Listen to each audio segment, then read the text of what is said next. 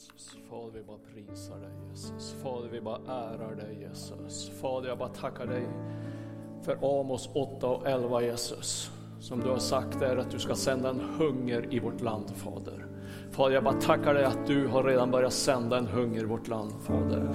Men jag ber också att du ska börja sända en hunger bland Kristi kropp i, i detta land Fader. Gud, vi beder dig, vi bara ropar till dig. Fader, vi bara längtar efter en hunger, Fader. Vi vill se en hunger bland de troende, Fader. För vi vill börja dra in skörden, Fader. Vi vill vara, vi vara skördarbetare, Fader. Och då måste vi ha en hunger på insidan, Fader, så att vi verkligen ser skörden, Jesus. Så jag bara ber dig, helig Ande, bara kom över Kristi kropp i Övik, i vår församling. Kom över mig, Fader.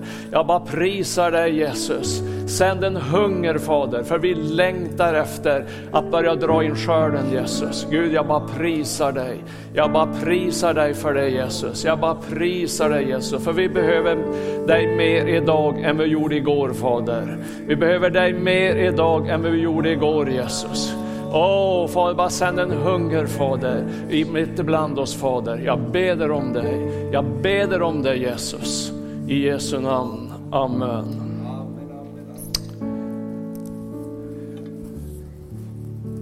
Vet du att vi lever i en fantastisk tid? Jag är så glad att jag får leva den här tiden. 2022, helt otroligt. Jag minns så väl då, då, då man var inne på 1900-talet. Man tyckte att det var så långt fram till 2000. Nu är det 2020 och jag får vara med. Det är nåd, det är Guds nåd och det är en glädje och det är en tacksamhet till Gud att jag får vara med idag. Idag ska vi tala lite grann om förväntan. Jag tror att tiden är över för Kristi kropp, för vår församling, för oss var och en att vänta. Vi har väntat så länge. Vi har så väntat på väckelse, vi har väntat på mirakler, vi väntar på så mycket. Men vet du, jag tror det är tid att förvänta. För att förväntan, det är någonting helt annat. Förväntan, den börjar att verka på vår insida så att vi börjar och förbereda oss för någonting. En bonde som har sått sin åker, han går och tittar på fälten och han förväntar sig skörd. Och när han ser att skörden börjar vitna, då börjar han fixa saker och ting. Då börjar han att slipa lien. Då börjar han göra sig förberedd. Det är ingen bonde som ställer sig vid ett sädesfält och säger så här, vi väntar och får se vad som händer. Vi väntar, det är ju en skörd, ja det är en skörd, men vi väntar får vi se om man flyger in i ladorna själv. Det kan ju bli ett mirakel, det kan ju hända någonting. Rätt vad det är så kan jag bara stå med armarna i kors och jag kan bara vänta och skörden, den åker in själv. Men vet du att jag tror, jag tror faktiskt det fungerar inte på det viset. Vet du att när jag växte upp, när jag var runt 15 till 20 år, då fanns en predikant hemma, EFS-predikant som hette Sigurd Gustafsson. Och kan du tänka dig, Elvi hittade en liten bok som han hade skrivit. Och han skrev den boken 1955, samma år som jag föddes. Och jag läste några strofer i den där boken. Och han sa så här, varje troende ska vara en skördarbetare. Varje frälst människa ska vara en skördarbetare. Du behöver inte ha en teologisk utbildning. Du behöver inte ens ha gått en bibelskola. Du behöver inte ens veta historiens bakgrund, vad som har världens historia. Även om du tror att jorden är platt kan du vara en skördarbetare, skrev han. Jag tycker det var så roligt. Det var liksom typiskt han. Han var rakt på. Han jobbade hela sitt liv som snickare. Han var predikant på heltid. Han predikar sju dagar i veckan. Det var en fantastisk man. Och han sa det, även om du tror att jorden är platt kan du vara en skördarbetare. Och jag tror att det, det ligger någonting i det. Ibland så kanske vi gör det så komplicerat. Och ibland så skjuter vi över det på kanske evangelister, vi skjuter på andra. De, det är de, jag har, inte, jag har inte den läggningen. Men vet att Gud vill att du ska vara en skördearbetare.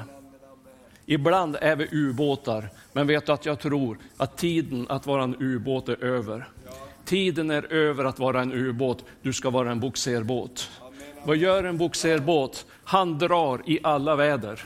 Han drar i motvind, han drar i medvind, han drar i sidvind. Han kollar inte på vädret, han gör sitt arbete. Han drar en last bakom sig. Och jag tror att du och jag, vi ska vara som en boxerbåt. Vi ska börja dra. Vi ska börja dra människor in i församlingen. Vi ska dra människor till Gud. Gud vill lägga någonting på ditt hjärta idag. Att du ska vara en boxerbåt och du ska inte vara en ubåt. Vad gör en ubåt? När det hettar till om öronen, då drar han sig tillbaks. Då sänker han sig. Det är säkert där nere. Ingen ser mig. Jag behöver inte göra någonting. Allt är under kontroll. Jag är på djupet. Ingen kommer åt mig. Det är tid. Det är tid att hoppa upp. Det är tid att köpa sig en boxerbåt. Överge ubåten, låt den vara. Jag tror att det har mycket större välsignelse med en boxerbåt än en ubåt. Och att om du läser Bibeln, om du läser olika berättelser i Nya Testamentet, så uppmanar Jesus lärjungarna att göra någonting. Det finns en berättelse i Matteus 17 och 24. Och eh, Matteus 17 och 24 det står det, det gick sedan till Kapernaum och det som tog upp tempelskatten kom fram till Petrus och frågade, betalar inte er mästare tempelskatt? Jo, svarade han. Sedan Petrus hade kommit hem frågade Jesus honom innan Petrus hunnit säga något. Vad tror du Simon? Av vilka tar jordens kungar upp tull och skatt av sina söner eller andra? Han svarade, av andra. Då sade Jesus till honom, alltså är sönerna fria, men för att vi inte ska stöta oss med dem, så gå ner till sjön, kasta ut en krok, ta sedan den första fisk som du får upp och öppna gapet på den. Då skall du hitta ett silvermynt, ta det och ge det för min och din räkning. Petrus fick göra någonting. Petrus var en fiskare, men vet du, han var inte en fiskare med spö. Han kunde inte fiska med ett spö, han kunde inte fiska med flugspö. Han fiskade med nät. Men Jesus utmanar honom, du måste göra någonting. Fixa ett metspö. Köp en lina, sätt på en krok. Far och let någon mask under sten. Och börja fiska, ska du få se att du får ett mirakel. Vet du att lärjungarna gjorde tvärtom. När Jesus mättade 5000 män plus barn och kvinnor. Han sa till lärjungarna, ge dem att äta. Och lärjungarna sa, vi har ingenting. Vi kan inte. De gick miste om världens mirakler. Tänk att de skulle egentligen fått kunna vara med på ett mirakel. Det där det säger mig någonting. Att låt inte Kalla fakta styra din frimodighet. Låt inte Kalla fakta ta ifrån dig frimodigheten. Ta ifrån dig glädjen i Gud. Det är så lätt att säga, ja men en läkare har sagt så här. Ja, det kan den ha gjort. Men låt inte de omständigheterna styra ditt liv. För det var det som styrde lärjungarna. Omständigheterna, kalla fakta var, vi har två fiskar, vi har fem bröd. Det är egentligen ingenting att komma med. Men de vågade inte lita på vad Gud sa. Gud sa, Jesus sa, ge ni dem att äta. Precis som Jesus gjorde, han gjorde ju den efteråt. Men de vågade inte. Låt inte omständigheterna styra din frimodighet. Det finns ett annat exempel på det där. Och, och det är, jag tänkte på Noa. Om Noa hade lyssnat på SMHI hade han aldrig byggt en båt. För det hade aldrig regnat innan. Och det fanns liksom inga förutsättningar att nu kommer det regn. Nu kommer det skyfall som det har gjort i Norge den här veckan. Och över Sverige, över Storlien och Östersund och det där. För har Noa lyssnat på SMHI, då har han sagt så här, vi böjer ingenting bort det. Nej, det är inte lönt. Det kom ju inget regn. Det har ju aldrig regnat på jorden. Det har ju inte hänt någonting. Men han hörde någonting. Han såg någonting. Han var uppfylld av vad Gud hade sagt åt honom. Och han litade på, har Gud sagt det, då kommer det att bli så. Det finns en annan berättelse som, ska, som vi ska läsa också. Och det handlar om en Elia, första Konungaboken 18. Det är en fantastisk berättelse.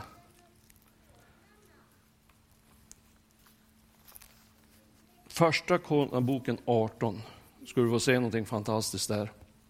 Och det var Elia. Och det är vers 41 till 46. Elias sade till Ahab, bege dig upp och ät och drick för jag hör bruset av regn. Då begav sig Ahab upp för att äta och dricka, men Elias steg upp på Kalmers topp och böjde sig ner mot marken med ansiktet mellan knäna. Han sade till sin tjänare, gå upp och se utåt havet. Han gick då upp och såg ut över havet, men sade, jag ser ingenting. Sju gånger sade han till honom att gå tillbaka. När han kom dit sjunde gången sade han, se ett litet moln som en mans hand stiger upp ur havet.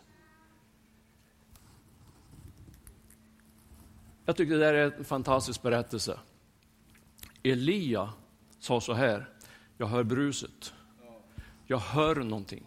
Jag ser någonting. Tjänaren som fick uppdraget, jag ser ingenting. Nothing. Men Elia hade varit med Gud. Hur, varför hur kan du tro det? Jo, därför han gjorde en sak. Han föll ner på sina knän. Kan du se Elia framför dig? Har du stått i den här ställningen, du hade huvudet mellan knäna, knäna och du har ropat till Gud. Gud, jag vill se ett mirakel. Gud, vi vill se någonting. Det är torka i landet. Det det vi håller på att förgås. Jag tror att när man hänger sig åt Gud på det sättet som Elia gjorde, då kommer man få höra någonting. Då kommer man få se någonting. Då kommer man få uppleva någonting. Elia hade ett val. Ska jag lita på det Gud har sagt? Det Gud har visat att det kommer. Det kommer en skörd, det kommer en regn. Eller skulle han lita på vad tjänaren sa? Ja, han har ju gått sex gånger. Jag undrar vad han tänkte. Har Elia blivit snurrig i bollen eller vad är det frågan om för någonting? Jag har ju varit sex gånger, det är lika glasklart på himlen nu som det alltid har varit. Varför händer det ingenting? Kanske du var i den situationen, du har ropat till Gud och du tänker så här, det händer ingenting. Det verkar precis som Gud är döv. Vad tror du Elia tänkte? Gud, du har ju sagt det, jag har ju hört det. Är du döv, Gud? Det finns en fantastisk sång. Jag vet inte om den eh, finns på, om den är skriven i Sverige eller Norge. Men i varje fall, jag har hört den på Vision Norge ett par gånger och de sjunger på norska. Och det lyder så här. Du mor som ber, be en gång till. Du mor som ber, ge aldrig upp. Du mor som be, be en gång till. För det kommer en dag då du får se ett mirakel. Och jag tror att det där är någonting som måste bara drabba oss var och en. Jag tror att vi måste ner på knä. Vi måste sätta huvudet mellan knäna. Gud, tala till mig. Och när han talar, då måste vi våga lita på honom. Då måste vi våga lita på honom till 100 procent. Jag tror det är det Sverige behöver idag. En förväntan på att det Gud har sagt i forndagar, att Gud har lovat, det kommer att ske. Det kommer att ske. Om du, om du börjar läsa sådana där berättelser skulle du se att det går ett mönster i det. Det verkar omöjligt. Precis runt Jerikos murar. Det var samma sak. Jag läste om Jerikos murar. Det var två murar som var, jag vet inte hur många meter högt som helst. Och det var två murar, de var en meters mellanrum. Totalt omöjligt att knäcka. De fick gå sju gånger. De fick inte bönesvar direkt. De fick hålla ut. Men de hade varit med Gud. De hade varit på knä. De hade haft huvudet mellan knäna. De hade ropat till Gud. Och det, jag tror det är ett litet tecken på att jag har nöd. Jag har nöd för Sverige. Jag har nöd för de som går förlorade. Det är därför jag måste vara en boxerbåt. Det är därför jag måste dra människor in i Guds rike. Det är därför jag måste dra människor in i församlingen. Och jag tror att det är så här, att du och jag som är med i en församling, vi måste fatta och förstå vad församlingen är egentligen. Så att vi blir ivriga och dra dem in i en gemenskap som du och jag är i. För församlingen, det är någonting helt fantastiskt. Församlingen har överlevt 2000 år. Det är liksom inte bara en liten slump att det blev några samlingar, att Gud liksom bara hjälpte någon på traven från början. Den har funnits över 2000 år. Och när Petrus, när han fick vara med i församlingen, det säger mig någonting. Spelar ingen roll vilken bakgrund du har, så är du välkommen in i en församling. För Petrus fick vara med. Och eh, jag tänkte lite så här, att du ska få en bild på vad församlingen är egentligen. För att om jag frågar dig om två veckor, så skulle det inte förvåna mig någonting att du har glömt allt vad jag har sagt idag. Jag blir liksom inte förvånad, för att jag bara går till mig själv. Men om man ser en bild, om man ser någonting, det är någonting som man inte glömmer. Och då kanske du undrar vad har rappat snurret på huvudet på en Hasse här, vad är det? Men vet du vad det, är, vad det där är? Det där är en sparvhök. En väldigt vanlig rovfågel i de här trakterna. Och en sparvhök, hans enda syfte, vet du vad det är? Stjäla, slakta, förgöra, splittra. Det är hans uppgift för att överleva, annars överlever han inte. Och eh, när man bor på landet som jag gör, då har man möjlighet att studera en sån här fågel lite grann. Hur han jagar som. Han jagar småsparvar, bofinkar, grönfinkar, bergfinkar, alla sorters småfåglar. Och enda chansen för att en liten fågel ska överleva den här fågeln, vet du vad det är? Att de håller sams. Att de håller sig i flocken. Det är A och O. Speciellt på våren när de kommer, flyttfåglarna, då kan det komma 50, kan komma 100 småfåglar som är tillsammans. Och de är ihop i en klunga. Och när de är det, då har inte den här en chans att fånga en fågel. Men hans strategi, vet du vad det är? Den här han kan flyga fort. Han kom som en projektil högt upp. Lägg vingarna bakåt, han kom som en pil. Rakt in i flocken. Vet du vad flocken gör? De öppnar sig lite granna och släpper bara rakt igenom. Och han kan inte ta en fågel fast han är mitt i en flock på hundra sparvar för att de håller ihop. Men ibland så händer det så här att någon blir nervös i flocken så han sticker ut så här och börjar lämna flocken. Då är han där och nyper den. Och det är hans strategi. Jag ska splittra, jag ska för, förstöra för den här flocken så att jag har en chans. Vet du att det säger mig en sak? Att det är bättre att vara i flocken än vara utanför. Då spelar det ingen roll egentligen vilka omständigheter det är i flocken. För vet du vad trodde det låter i flocken? Jag lyssnar på dem. De tjattrar hela tiden. Och vad tror du de säger? Flyg inte på mina vingar, flyg inte på mina vingar. Va? Du flyger mitt framför näbben på mig. Se det för, det är ett krig utan dess like i flocken. Va? Vad gör du för någonting? Nu bajsar du på min rygg. Det är hopplöst det här. Skärp det. Men ändå har de fattat och förstått. Det är bättre att hålla sig i flocken än att dra sig utåt. För det finns ett beskydd i flocken. Och det finns ett beskydd i församlingen. Precis, det får vara precis nästan hur som helst i församlingen, så är det bättre att hålla sig i församlingen ändå. För utanför det så har du inget skyddsnät. Men i församlingen har du syskon. Det kan vara någon som sticker ut som du tycker är jobbig. Ja, absolut, så är det. Vet du att jag har två bröder. Jag kan säga så här, vi har inte samma uppfattning om olika saker jämt. Ibland kan vi vara riktigt högröstiga. Men vet du det? Det liksom hindrar oss inte att dagen efteråt så åker jag till min äldre bror och dricker en kaffekopp. Varför det? Därför att blod är tjockare än vatten. Så är det i församlingen. Det är en familj och blod är tjockare än vatten i familjen. Och Det är därför vi håller ihop. Det är därför vi drar, drar åt samma håll. Så det är därför det är så viktigt att Amos 8 och 11 får vara verksam i mitten av församlingen. Vi ska vara hungriga på Gud. Då ser vi problemen mycket, mycket mindre.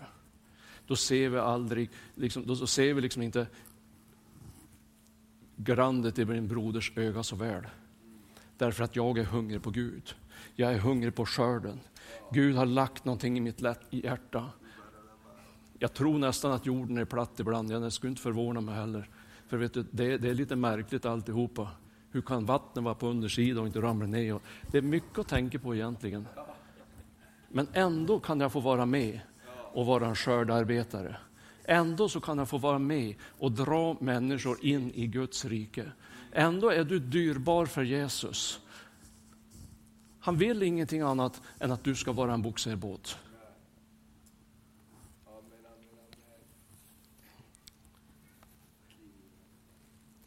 Lyft blicken och se på fälten.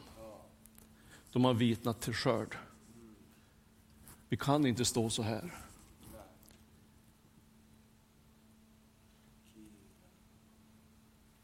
Skörden måste in.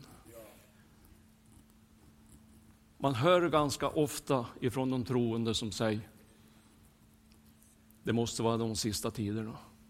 Jesus måste nästan komma tillbaka snart. Absolut är det så.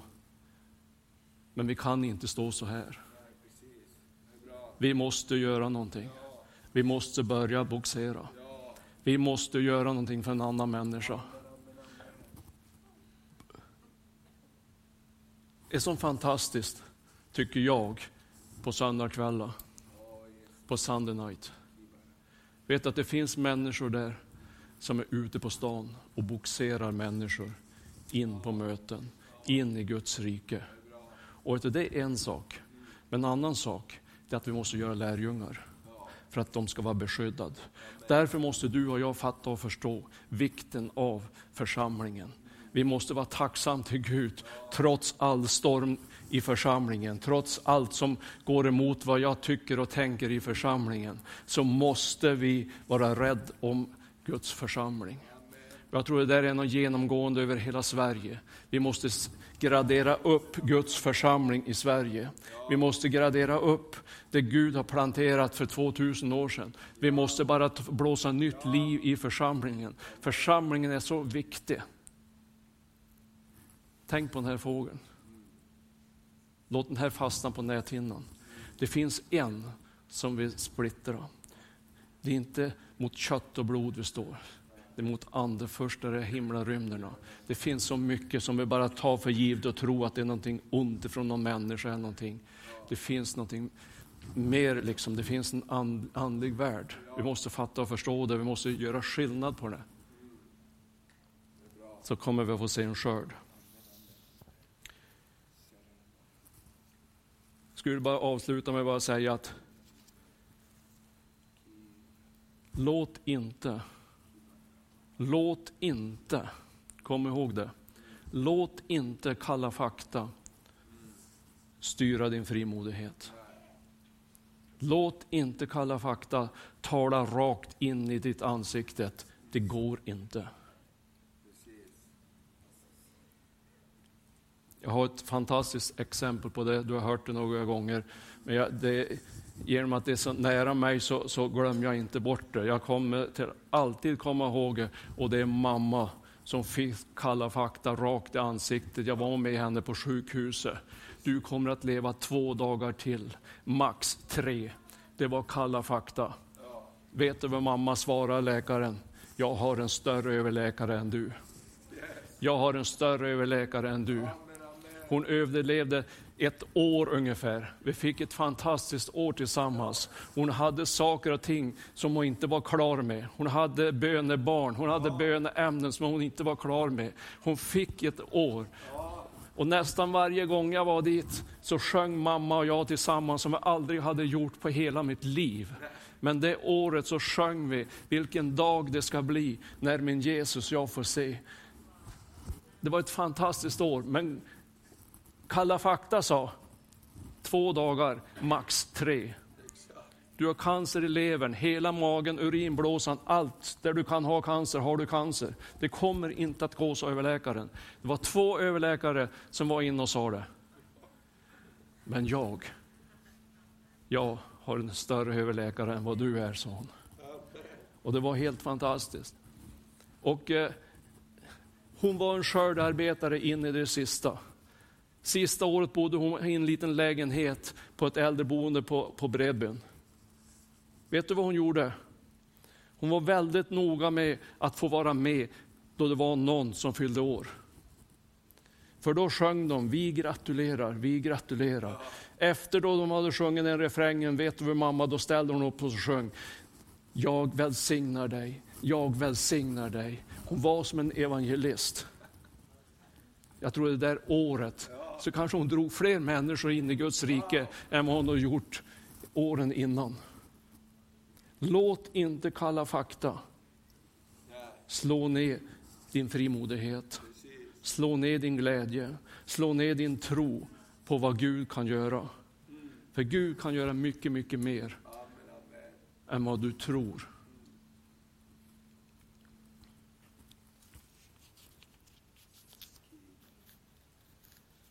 Jag ska avsluta med det här.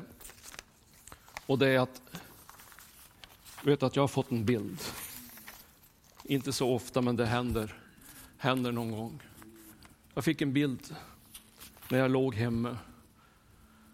Låg och funderade på ditt och datt innan jag skulle somna på kvällen. Då var det som Gud visade mig en sak. Vet att hemma i byn har vi en liten kraftstation. Och i den kraftstationen så är det en sjö ovanför och så går det två kanaler. En in i turbinerna och en går bredvid och där är det dammluckorna. För att när det är vårflod, då måste man öppna dammluckorna. Då kan inte turbinerna ta alltihop. Då blir det för mycket vatten. Och det där är någonting som man stänger på hösten, dammluckan. För att magasinera upp vattnet över vintern. Men på våren, då vårfloden kommer, då måste du upp med dammluckan. Och eh, jag är med nästan varje gång de där dammluckorna ska göra för att det är ganska jobbigt och det är inte, du fixar det inte själv. Utan du måste vara ett, ett gäng som hjälps åt för att ta upp de där dammluckorna. Och jag bara hörde vad Gud sa så här. Du ska få vara med om när dammluckorna börjar gå upp i Övik. Det är ganska häftigt att vara med då dammluckorna går upp. Det är alldeles lugnt ovanför det. Det händer ingenting, vattnet står stilla. De bara pressar på så här.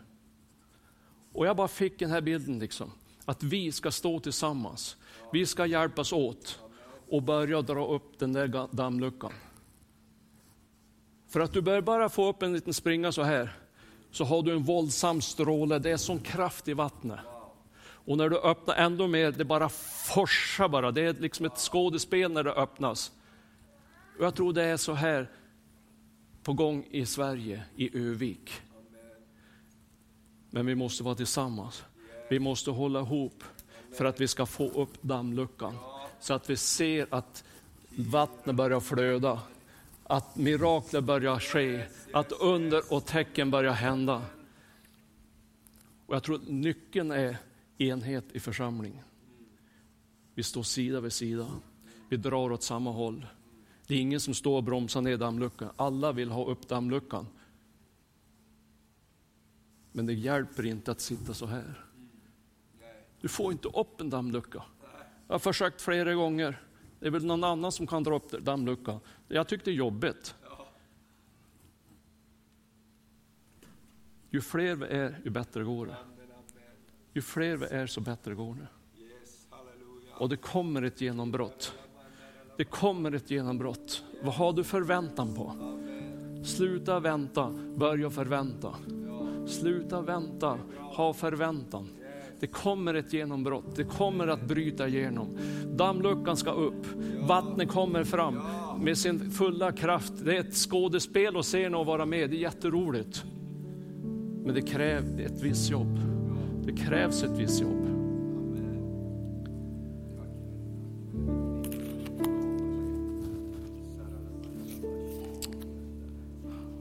Halleluja Jesus. Jag skulle vilja bara fråga så här innan jag bara avslutar. Kanske du är som lyssnar på det här budskapet, du kanske inte är frälst. Vet du att idag är frälsningens dag? Idag är frälsningens dag.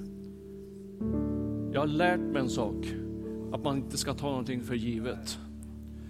Jag var ute på mission en gång och på ett ställe så hade vi ett litet möte och jag tänkte, här sitter bara gamlingar. Här är alla frälsta. Men heliga ande sa, fråga om det är någon som vill bli frälst. Det kom fram en kvinna, jag tror var 90 år. Jag vill bli frälst. Efter det har jag sagt, jag ska aldrig, aldrig, aldrig ta någonting för givet. Kanske du inte går med Gud som du, som du egentligen vill gå med Gud. Tack att Gud, tänk, kanske Gud har liksom talat till dig. Att du ska få vara med om stora ting. Gud har sagt saker och ting till dig, men du har liksom fallit ur ramen på något sätt. Du har dragit dig undan på något sätt. Du har börjat krypa ner i ubåten på något sätt. Gud vill att du ska komma igen. Det finns alltid en väg tillbaks. Det finns alltid en väg tillbaks. Tänk Petrus som förnekade Jesus. Det finns alltid en väg tillbaks. Så om du, om du bara känner så, så ska du få bara komma fram så ska vi bara be för varandra. Du ska bara hålla avstånd. Inte, det, vi ska inte bara eh, kleta på så vi tänker att det blir obehagligt på något sätt. Utan vi ska ha respekt för varandra. För det är coronatider och det är allt möjligt. Men jag tänkte så här bara att ska vi stå på våra fötter? Och jag vill att vi ska be för oss. Alla ska bara få känna att du har fått förbön. Så då du står där, då ska du bara räcka ut händerna åt din vänstra sida och så ska du be för dem. Då du har bett för dem en liten stund, då bara räcker du ut händerna åt den högra sidan och så ber du för dem. Så att alla får förbön, alla ska bara känna sig inkluderade. Att det är någon som har bett för mig idag i varje fall. Fader, jag bara tackar dig Jesus. Fader, jag bara tackar dig för din omsorg om oss Fader. Tack att jag får bara be för var och en som är här idag Fader, som har lyssnat på det här budskapet Fader. Tack Fader att du ska bara, att du ska bara tala till oss för den tid som ligger framför Jesus. Tack Fader att vi ska få vara skördearbetare Jesus. Tack Fader att var och en som är här Fader är en skördearbetare. Den som står på min högra sida är en skördearbetare. Och jag bara välsignar honom Fader. Den som står på min vänstra sida är en skördearbetare medarbetare och jag bara välsignar honom Fader. Tack Fader att du har omsorg om hela församlingen Fader. Tack Fader att vi ska få vara ett bärarlag Fader, som ska få vara med och öppna dammluckorna Fader. Gud, jag bara beder dig om det Jesus. Gud, jag tackar dig för det år som ligger framför. Tack Fader för år 2022 Fader. Tack att det är möjligheternas år Fader. Det är förväntningarnas år Fader. Det är miraklernas år Fader. För att du sitter på tronen Fader. Gud, jag ber att du ska tala till oss var och en Fader. Så vi börjar höra bruset av vatten Fader. Så att vi börjar höra bruset av regn Fader. Så vi börjar se molntapparna Fader. Gud, bara öppna våra andligas ögon Fader. Jag bara beder dig om det. Jag bara beder dig om det Jesus. Halleluja Jesus. Jag bara prisar dig. Fader, jag bara välsignar var och en som är här idag Fader. Heliga Ande, jag bara ber dig Tala rakt in i våra hjärta Fader. Gud, jag ber om styrka Fader. Jag ber om nya visioner Fader. Jag ber om nya visioner Fader. Åh, vad jag bara beder dig Jesus. Lägg visioner, drömmar i våra hjärtan Jesus. Hur vi ska få in skörden Fader. Hur vi ska dra in skörden Fader. Gud, jag tackar att vi är många boxerbåtar här Fader. Vi är många boxerbåtar Fader. För vi förväntar oss stor skörd det här året Jesus. Vi har förväntan på stor skörd det här året Jesus.